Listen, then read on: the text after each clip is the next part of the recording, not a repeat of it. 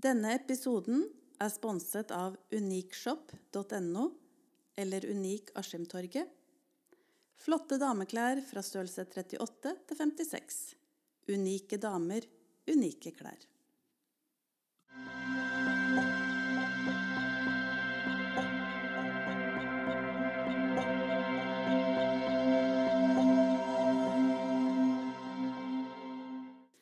Mitt navn er Lill Gjerstad Andersson. I dag har jeg besøk av Mariana. Mariana skal fortelle litt om hvordan det er å miste noen gradvis. Noen du bryr deg veldig mye om, og som står deg nær.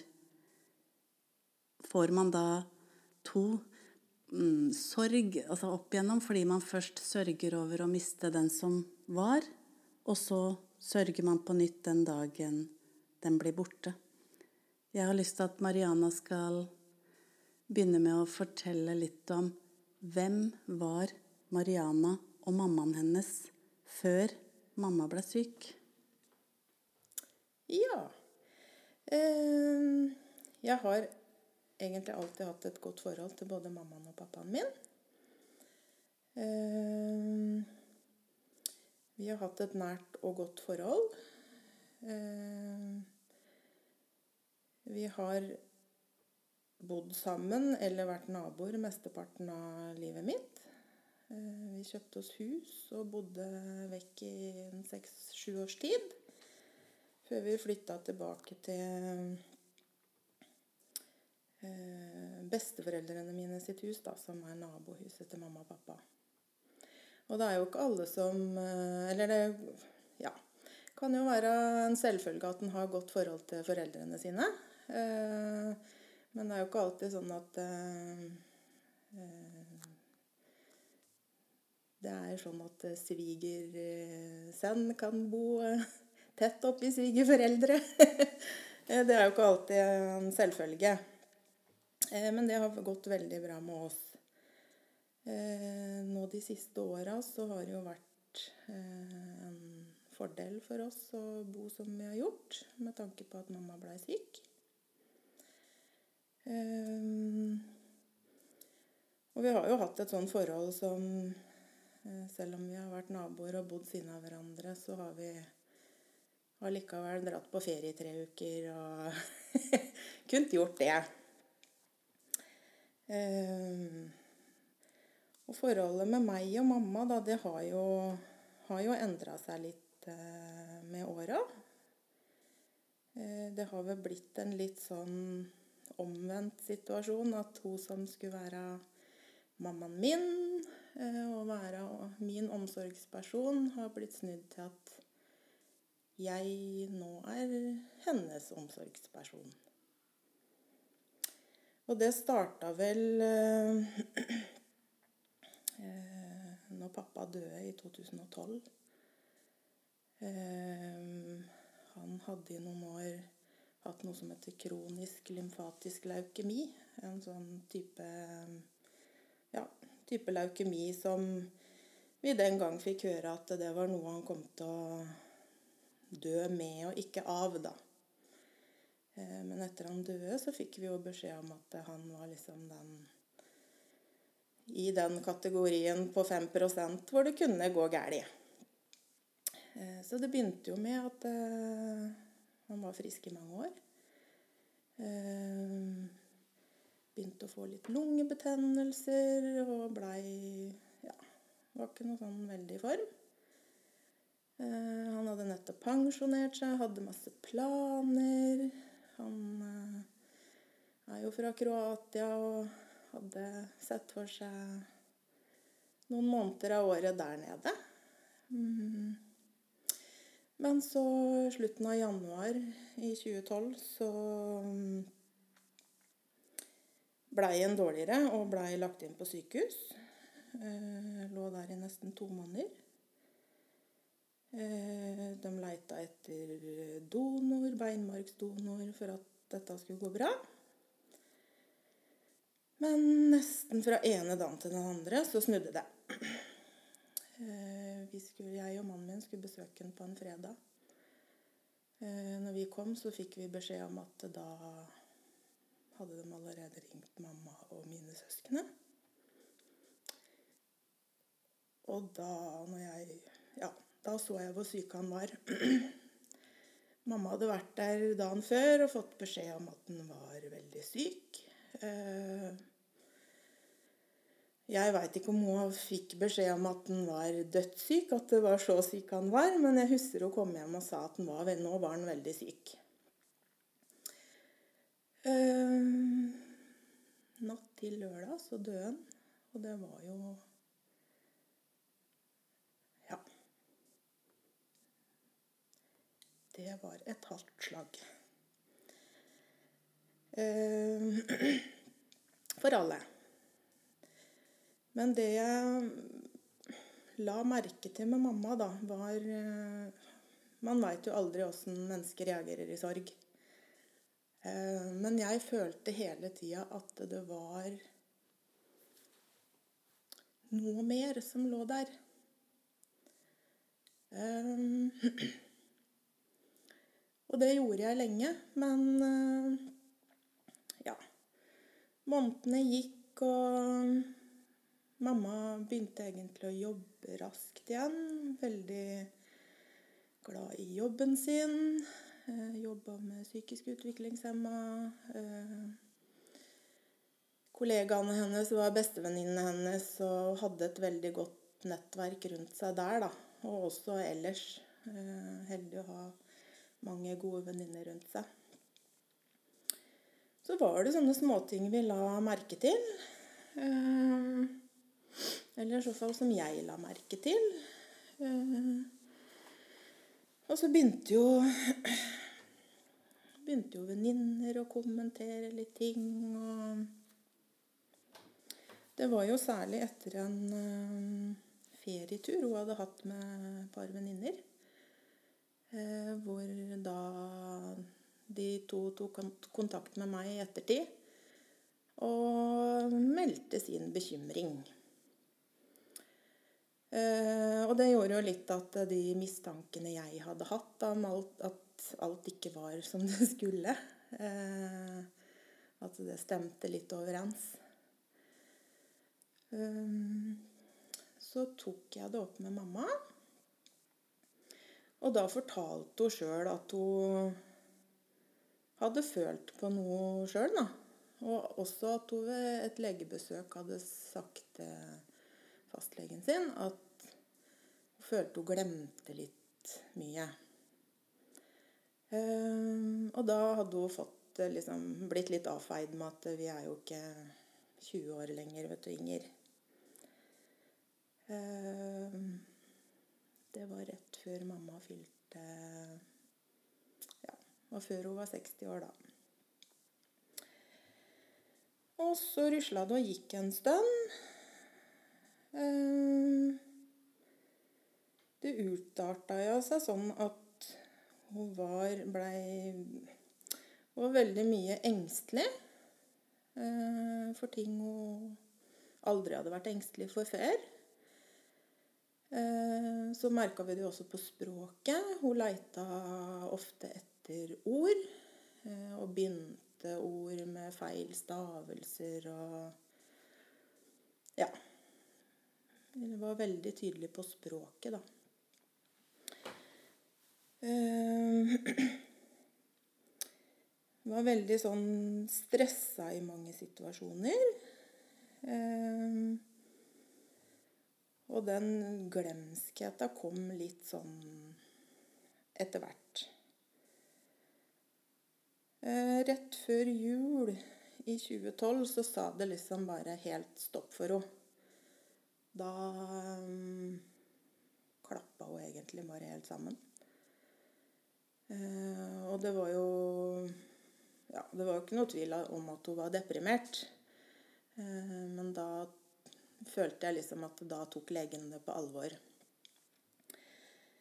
Uh, og depresjon og andre sykdommer kan jo ha mye felles trekk. Det at man er ufokusert, glemmer ting. Eh, det er jo Ja, kan også være symptomer på depresjon, da. Så jeg var jo usikker på om det var, var det eller andre ting. så blei jo først sendt eh, på utredning hos en eh, eh, nevropsykolog. Eh, hun òg var vel litt sånn usikker. Eh, og så starta ballen å rulle med utredning. Eh, hun blei henvist til geriatrisk poliklinikk, var på flere undersøkelser der, tok masse tester. Eh, mange runder med prøver, alt ifra ja, CT og Ja. Da begynte ballen å rulle. Eh, I 2015 eh, så fikk hun et opphold på alderspsykiatrisk på Kalnes. Eh, Der var hun i tre uker, og da fikk hun diagnosen Alzheimer med primærprogressiv afasi. Og det var jo litt det jeg trodde, men også frykta. Det var jo et nytt eh, hardt slag å få den Ja, at hun fikk den diagnosen. Eh, samtidig som da var det noe vi kunne sette fingeren på. Og da hadde det jo gått eh, ja, ca. to og et halvt år med utredning. Og når vi sto midt oppi det, så Det føltes jo som en evighet, men det gikk slag i slag. Eh, og jeg føler at eh, Ja, jeg sier vi, jeg. Ja. Fikk eh, god hjelp. Og rett hjelp. Så selv om den veien der var vanskelig å gå, så ja, følte den det godt på en måte, da. Så blei jo fulgt opp på Kalnes en periode. Og så blei hun henvist videre og fulgt opp via hukommelsesklinikken på Ullevål. Og der møtte vi en overlegen der som heter Peter Bekkhus Wetterberg. Som er en helt fantastisk flink og god mann. Der blei mamma først og fremst tatt godt vare på, men også jeg som pårørende. Og det følte jeg veldig godt. På kontrollene der så var mamma inn og tok tester og hadde samtaler. Og så hadde jeg egne samtaler og fikk masse tips og råd og hjelp. Så den prosessen ser jeg jo tilbake på som god selv om han var vond. Eh, Podkastene dine handler jo mye om sorg.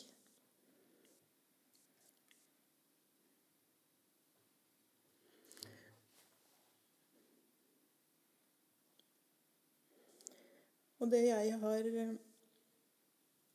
fått erfare i denne prosessen, da, er jo at sorg har mange sider. Jeg kom over en psykolog som har skrevet en bok som heter 'Livssorg'. Jeg har ikke lest den, men jeg har lest litt om den og følte det var et så godt uttrykk. Hvor hun Ja, det med at livet tar store U-svinger. Ikke blir som man hadde tenkt, eller ting man ikke rår over, skjer. Og ja Før denne prosessen når pappa døde, så føler jeg at jeg liksom har egentlig levd et litt sorgfritt liv. Ikke vært noen store utfordringer og Men Og man forbinder jo ofte sorg med dødsfall. Men det jeg har erfart i denne prosessen, da, er jo at sorg er jo så mye mer. Og du sa det så godt, jeg vet ikke om du har sagt det eller skrevet det, men at sorg har så mange Det er så mye symptomer som kommer i ettertid, da. Og det har vel jeg følt mye på. Eh, alt ifra dårlig samvittighet eh, ja, stress, utmattelse, skuffelse har eh, Ja. Og det har jo i den prosessen med mamma og mitt forhold eh, har jeg jo merka det veldig tydelig. Eh, som jeg sa i stad, at eh, mamma som skulle være, være min omsorgsperson Ja, da, nå har vi bytta roller, og det er jeg som er hennes omsorgsperson. Og i og med at vi har bodd så nært og Jeg har alltid hatt et godt forhold, da. Eh, så har, det blitt jeg skal ikke si at det er en selvfølge, for det er jo flere ting som spiller inn. At det har blitt som det har blitt. Men Ja.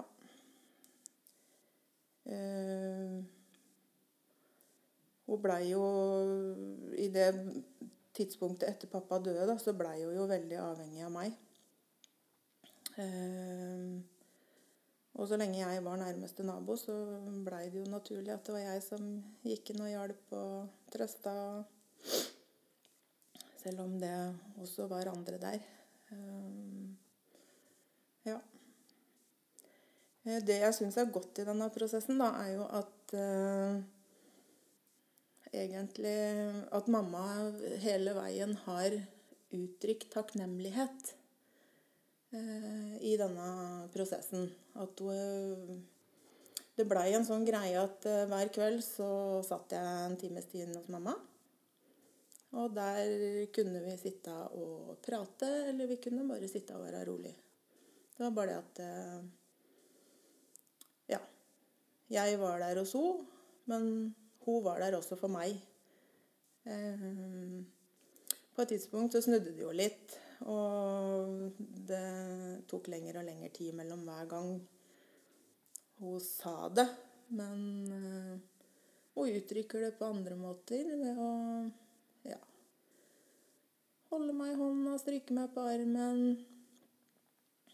Men egentlig ja, fram til for et år siden så har hun vært veldig flink til å si at hun setter pris på det, da.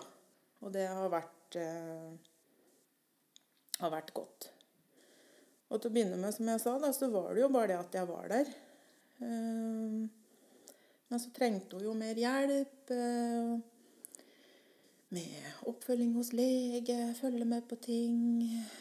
Ja, visste på at hun skulle ta blodprøve først. og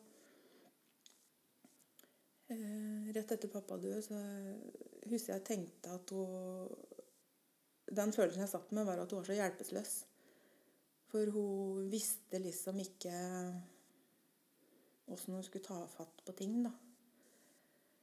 Um, og akkurat den prosessen i oppfølginga og utredninga, da uh, så er det jo jeg som har vært med hele veien. Eh, og det er jo ikke fordi jeg absolutt har vilt. Klart jeg har vilt følge opp. Eh, men det har jo vært andre som eh, har fulgt til lege og vært med på den prosessen. Men på et tidspunkt så blei mamma veldig usikker. For hun opplevde en gang å ha med seg noen andre til legen. Og da kunne ikke de svare for seg, og da blei det en veldig sånn vond og ekkel situasjon for henne. Eh, og da blei det jo sånn at Mariana skulle være med på alt. Jeg skulle gjøre ditt, jeg skulle gjøre datt. Eh, og det har jo ja ikke alltid vært like populært hos andre, da. Eh, og det også har jo skapt konflikter og, og vært vondt. Eh, jeg har eh, Jeg har gjort dette for mammaen min sin skyld, og ikke for min eller andre sin skyld. Til å begynne med da, så var det jo sånn at jeg bare var der for, for henne. Uh, men så trengte hun hjelp til mer og mer ting. Og det har jo utvikla seg sånn sakte, men sikkert. Og så er det jo litt sånn Når man står i det, så er det jo litt sånn Ja, nå roter hun med medisiner. Nå må jeg ta over det. Så det er jo Det går sakte, men sikkert. Hvor det er liksom én ting om gangen som han på en måte tar over, da. Uh, uh, så når man står midt oppi det, så ser en kanskje ikke hvor mye man gjør til slutt. Eh, så på siste halvannet året som hun bodde hjemme, så spiste hun middag hos oss. Hun lagde brødmat sjøl og Vaska hus og rusla hjemme, det var noe hun likte veldig godt. Eh, men så kom det til et punkt da, hvor hun ja, begynte å lage seg enklere og enklere mat. Og da blei det jo sånn at når vi er naboer, så går jeg enten bort med litt middag, eller så kommer hun til oss. Eh, ja, så det har vært en prosess som har gått sakte, men sikkert. Eh, så var det jo en eh,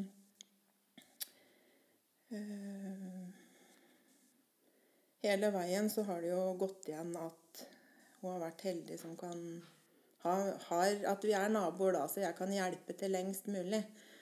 For de har det jo best i trygge og vante omgivelser.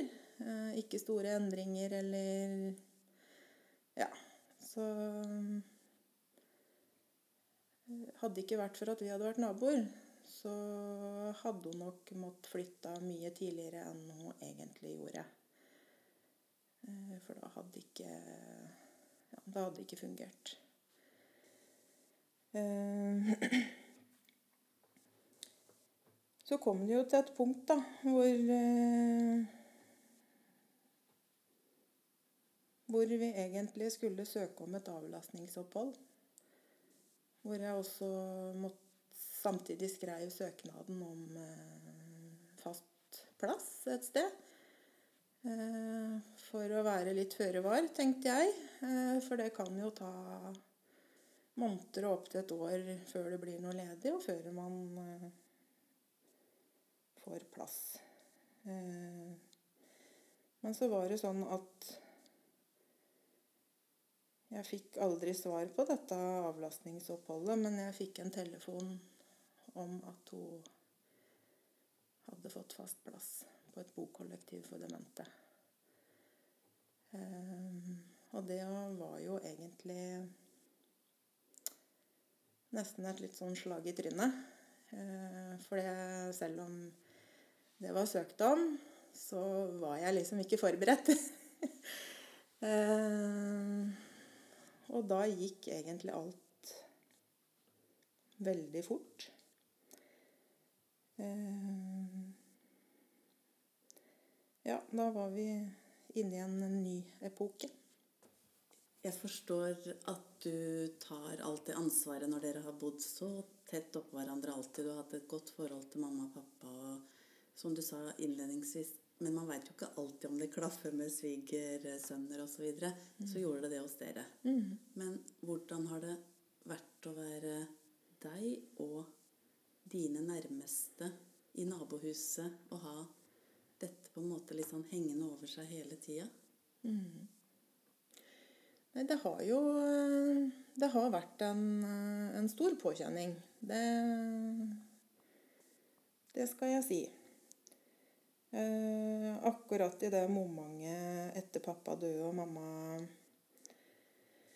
ja, begynte med utredning, så um, hangla jo helsa mi litt òg. Jeg hadde jobba i Mester Grønn i 16 år og sleit litt med kropp og bein og hofter og eh, klarte ikke å være i den jobben. Så jeg hadde jo en litt sånn sorg for meg sjøl òg, midt oppi det hele. Det var liksom Ja. Men det blei litt satt til side. For det var liksom Ja. Fokuset var på mamma. Men jeg har jo fått det litt i ettertid. Så gikk jeg jo gjennom en prosess hvor jeg da måtte finne ut av hva jeg skulle gjøre når jeg ikke klarte den jobben. Mye usikkerhet når man har hatt fast jobb i 16 år og veit hva man går til og Ja. Hatt inntekter, og plutselig så blei alt veldig usikkert. Så det, det var en vanskelig ting oppi det hele. Og så har jeg ikke vært noe så veldig flink til å ta vare på meg sjøl, ser jeg jo i dag. Har blitt minna på det mange ganger opp gjennom prosessen.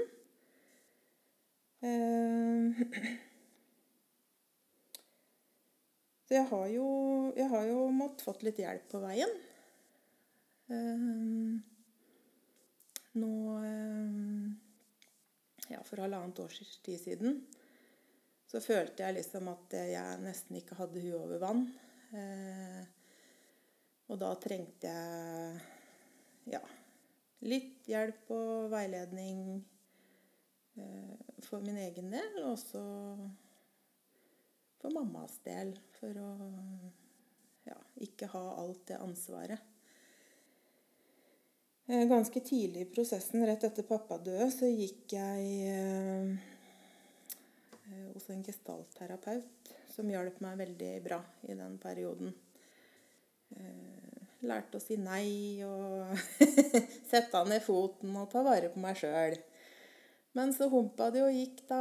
Du har det hele tida i bakhuet, men du Ja, det glir litt bort etter hvert. Så bare satt jeg i en situasjon hvor jeg tenkte at nå må jeg få hjelp. Jeg tok kontakt med Familiens hus og psykososialt team. For der tenkte jeg det er kommunalt. Jeg kan ha samtaler. De kan veit hva som fins i kommunen av hjelpemidler og når det gjaldt mamma. Og det har egentlig hjelpa meg veldig godt. Jeg møtte på ei dame som heter Ann-Katrin. Som skal ha mye av æren for at jeg klarte å senke skuldrene litt. Jeg husker på en av de første timene hvor jeg var hos henne, så eh, satte vi opp et skjema for å finne ut hvor mye egentid jeg hadde i løpet av et døgn. Og da blei jeg litt skremt. hvor lite tid jeg hadde til meg sjøl og mitt. Vi gikk også gjennom mine roller, husker jeg. Min rolle som ja, i arbeidslivet, da, som kollega og arbeidstaker, og som mor og kone og ja. Så kom vi til den siste bolken, som var mine roller overfor mamma, da. Og når du da, i tillegg til alle rollene man har i livet Og når vi begynte å skrive ned og ramse opp de rollene jeg hadde overfor mamma, så skjønte jeg vel at jeg klarer ikke alt sjøl. Selv, selv om jeg gjerne skulle gjort det. Så jeg har vært mye sliten, mye lei meg. Og har vel Jeg hadde ikke klart meg uten familien min. Mannen min Roar og jentene mine Amalie og Emilie.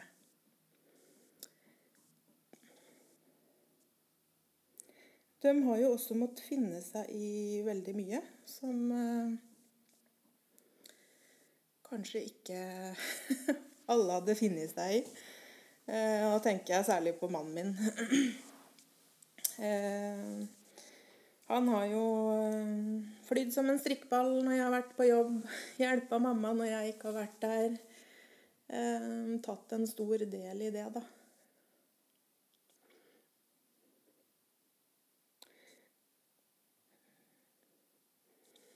Så er det jo jentene mine, da.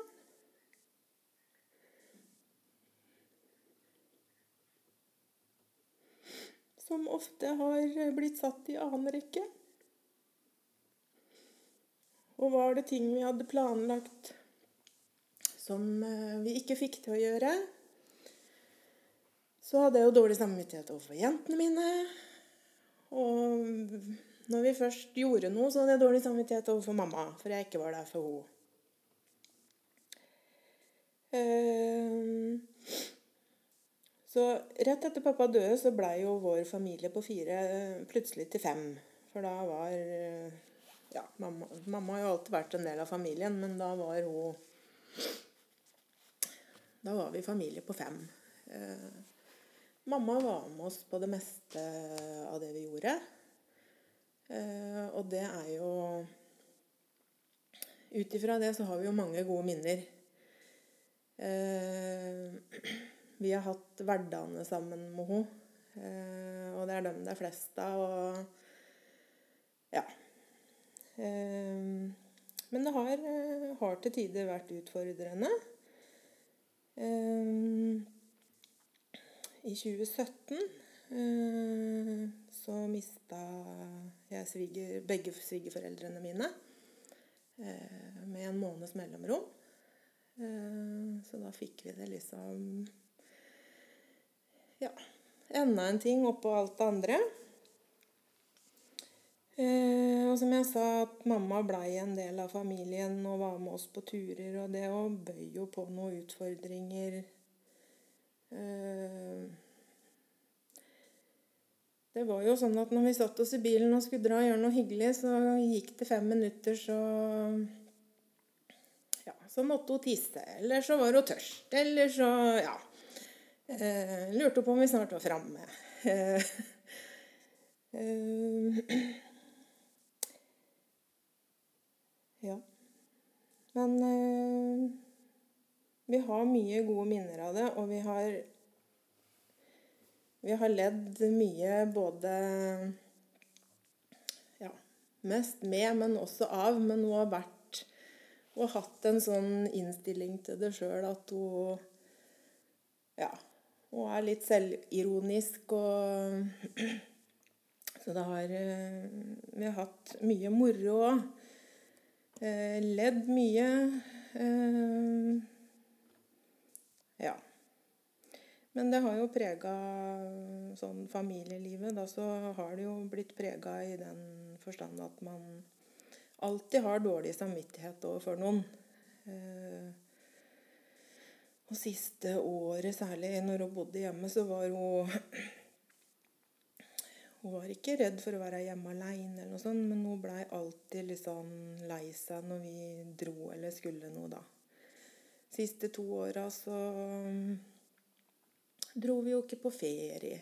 Eh, jeg måtte jo være hjemme og gi medisiner og og selv om eh, hjemmesykepleien også var involvert på et tidspunkt, så ja, er det mye som har falt på meg, da.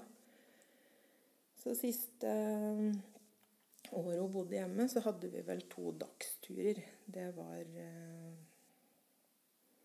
Det var ferien vår. Men ja. Selv om man ser ser på det som at livet ikke blei som det skulle, da, så kan jeg ikke, jeg kan ikke sette fingeren på at eh, det blei ikke sånn, det blei ikke sånn. Eh, men jeg veit jo det at hadde ikke mamma vært syk, så hadde jo livet vært helt annerledes. Eh, mhm. Så har det jo også vært min rolle overfor andre, da. Eh, som har vært litt tyngende, for alle kommer jo til meg når de lurer på noe. eh, henvender seg til meg, eh, og det har jo mest av alt vært veldig mye støtte fra venninner og, og sånn. Eh, men det har jo bydd på utfordringer òg. Det at mamma i begynnelsen ikke klarte å Eller ville eller turte å si fra sjøl. Det at hun Et eksempel er jo å kunne si ja til å være barnepike, og så glemte hun det bort litt. Og så når dagen før kom og hun blei minna på det, så orka hun egentlig ikke. Og og så var det liksom min oppgave å måtte formidle det videre. Så jeg har jo Det har kanskje vært det vanskeligste oppi det hele. Å liksom skulle forsvare at dette her er mamma sin mening, men jeg må formidle det. Og det har ikke alltid blitt tatt like godt imot. Det har det ikke. Og i denne tida så er det jo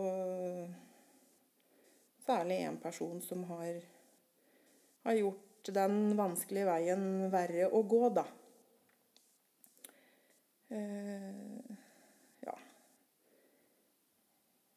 Satt folk litt opp mot hverandre, lagd litt intriger. Eh, ja, ikke tatt så mye hensyn, da. Eh, og så er det jo på et tidspunkt for å liksom klare å overleve eh, all denne elendigheten, så må man bare se forbi det. Eh, og da er det Det har liksom vært en sånn sorg i seg sjøl. Ikke å måtte bryte en relasjon, men det at eh, at, jeg, at, det har vært liksom eh, ubegrunna ja, Nesten ondskap, kan jeg kalle det. Uh, og motgang i akkurat det tilfellet her. Uh, og til å begynne med så gikk jo dette utover mamma òg.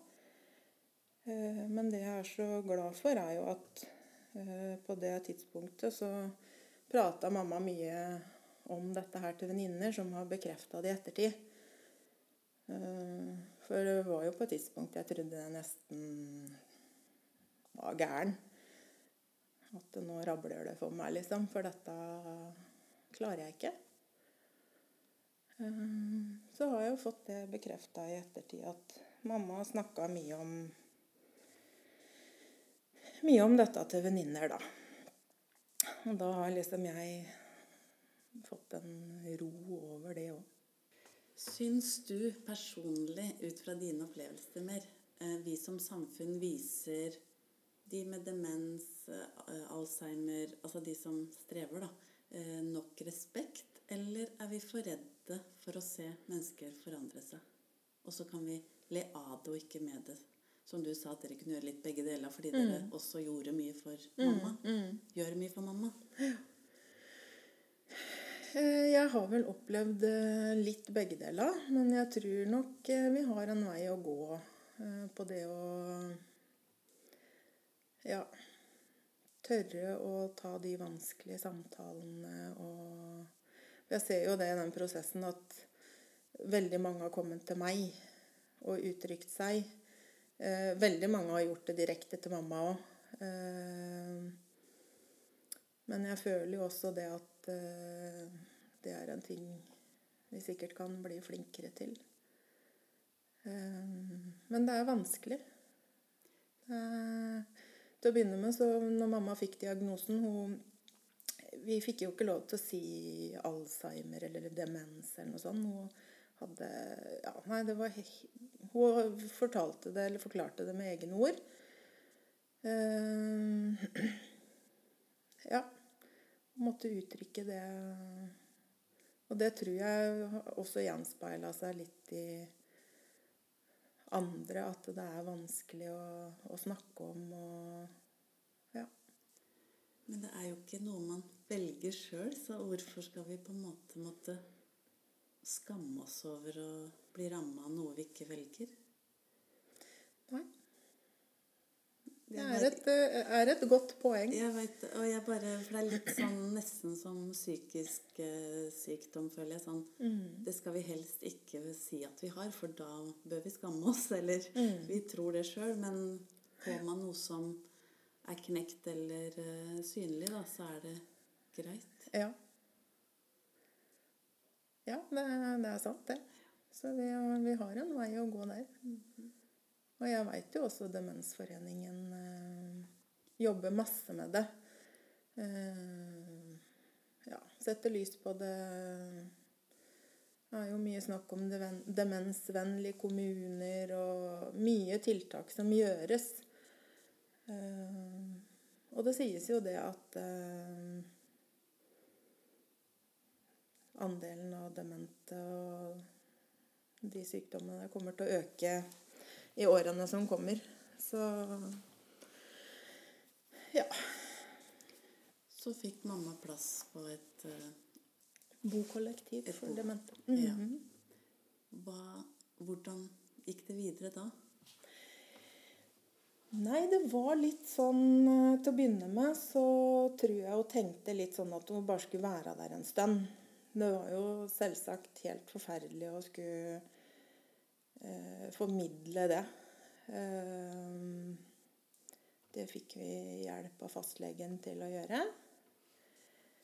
Eh, sånn at ikke ja, noen av oss barna skulle på en måte få skylda for dette, da. Men det var jo en eh, helt forferdelig prosess. Eh, kommet til verdens beste plass med verdens beste ansatte og Ja, jeg veit hun blir fulgt opp veldig bra, og også vi pårørende, da.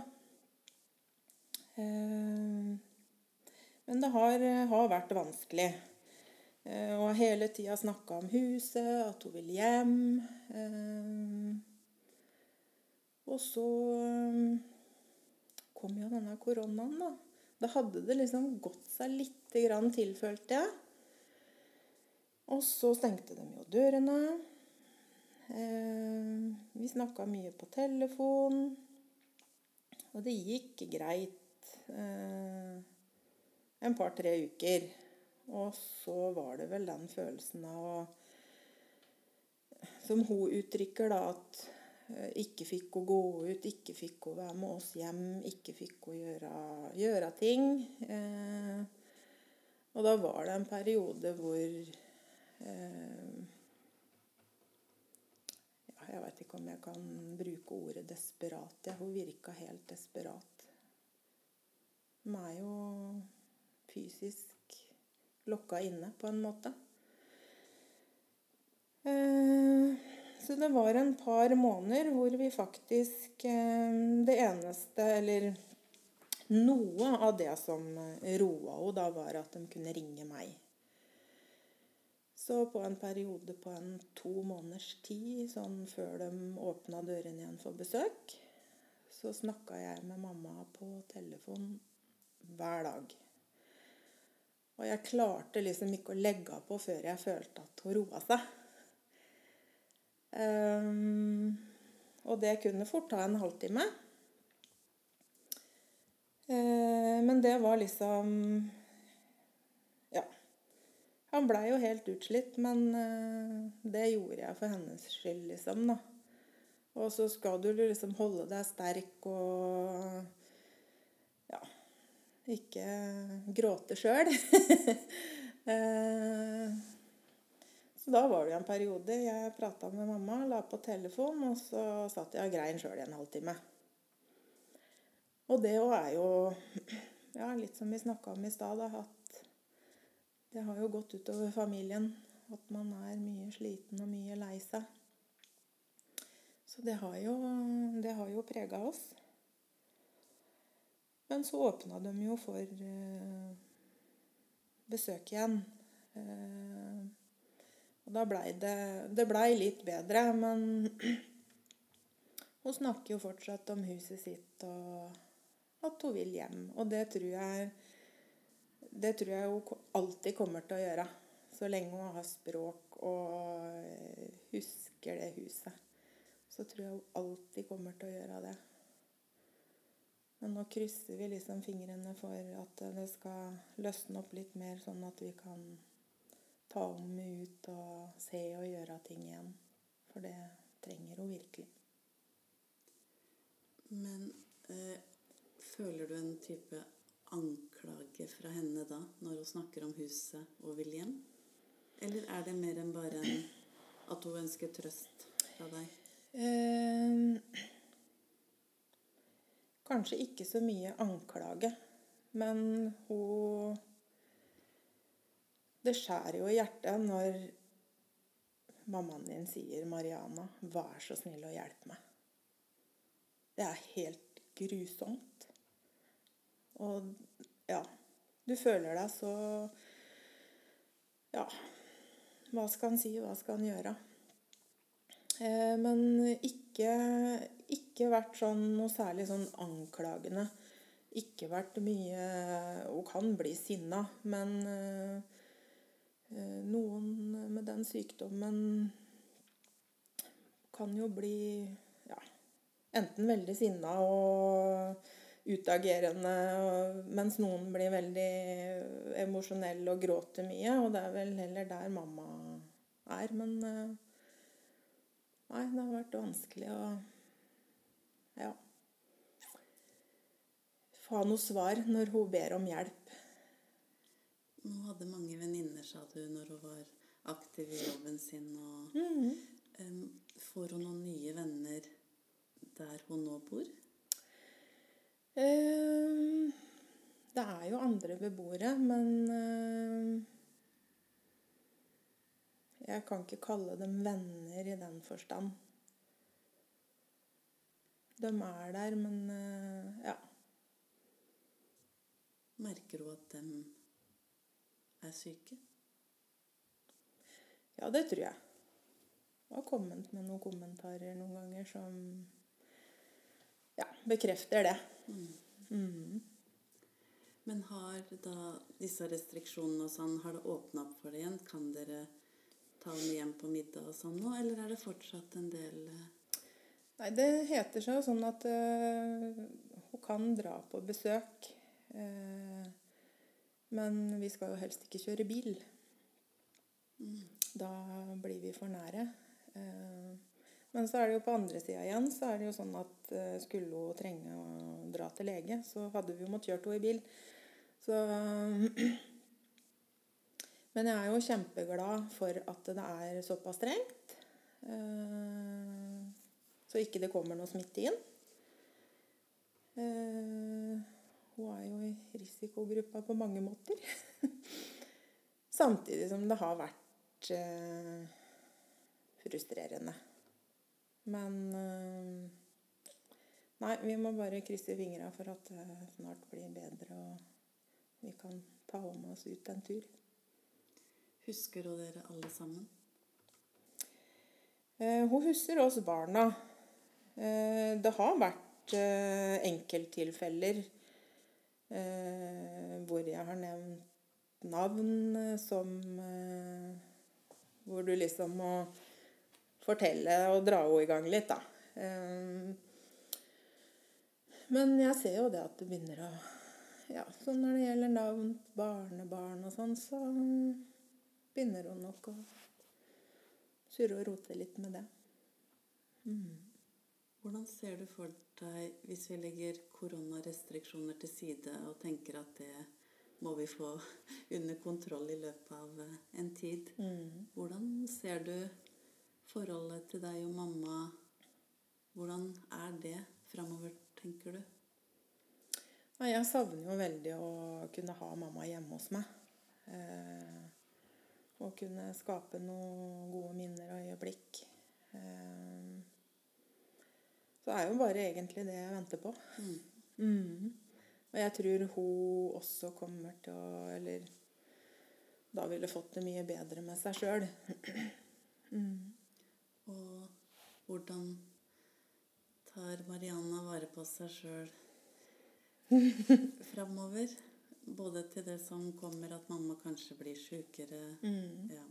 Men hvordan skal du klare Har du funnet noen verktøy? Tar du fram noe fra gestaltterapien, eller tar du noe fra Ja, jeg, jeg har jo hele tida det med meg. Eh, Men eh, jeg har nok blitt flinkere etter at mamma flytta, til å tenke på å ta vare på meg sjøl. Gjøre ting som gjør meg godt. Eh, Det er jo fortsatt sånn at man får litt dårlig samvittighet, da. Eh, Men sånn tror jeg jeg alltid kommer til å være. Eh, Men jeg ser jo lyst på framtida. Eh, Jeg har masse gode venninner rundt meg. Jeg har broren min og svigerinna mi. Og kjenner at jeg har klart å begynne å legge av litt planer og drømme litt. Eh, Ja. For ting som er bra for Mariana. Mm. Da har jeg lyst til å bare sånn avslutningsvis eh, gi deg en sånn grønn plante som jeg tror overlever det meste. Og jeg veit jo at du egentlig er veldig flink med blomster, men jeg tenkte Ja. at den viser litt at vi orker å bare gro oss fram eh, om vi blir litt tørre, eller hva vi blir. Mm. Og så er det bare den boka. Den eh, har du kanskje fra før, men da kan du gi den til noen som du tenker trenger det. Mm. Og sånn litt sånn avslutningsvis Har du noe du vil si til noen som står i samme situasjon? Som du gjerne skulle fått beskjed om for noen år siden, selv om mange prøvde å si noe til deg? -hmm. Ja, hva skal det være? Det er det å kanskje ta tida til hjelp.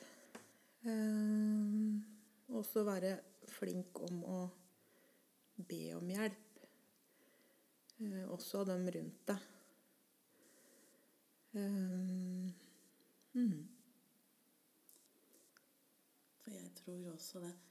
Skal vi få hjelp, så må vi noen ganger be om det. Mm. Og så er det det vi syns er litt vanskelig. Ja. Eh, For å snakke for meg sjøl, så har det vært eh, Er ikke det alltid det enkleste. Eh, Litt sånn Ja, flink pike og skal klare ting sjøl.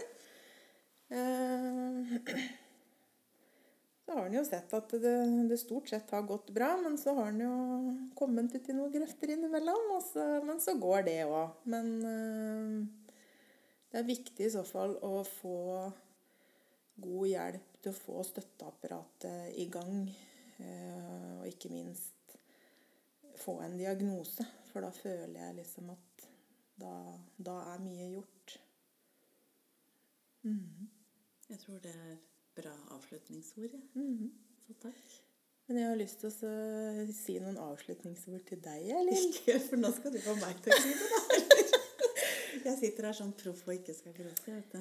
Jeg kom over eh, Jeg vet ikke om jeg kan kalle det dikt, men i så fall noen ord, da.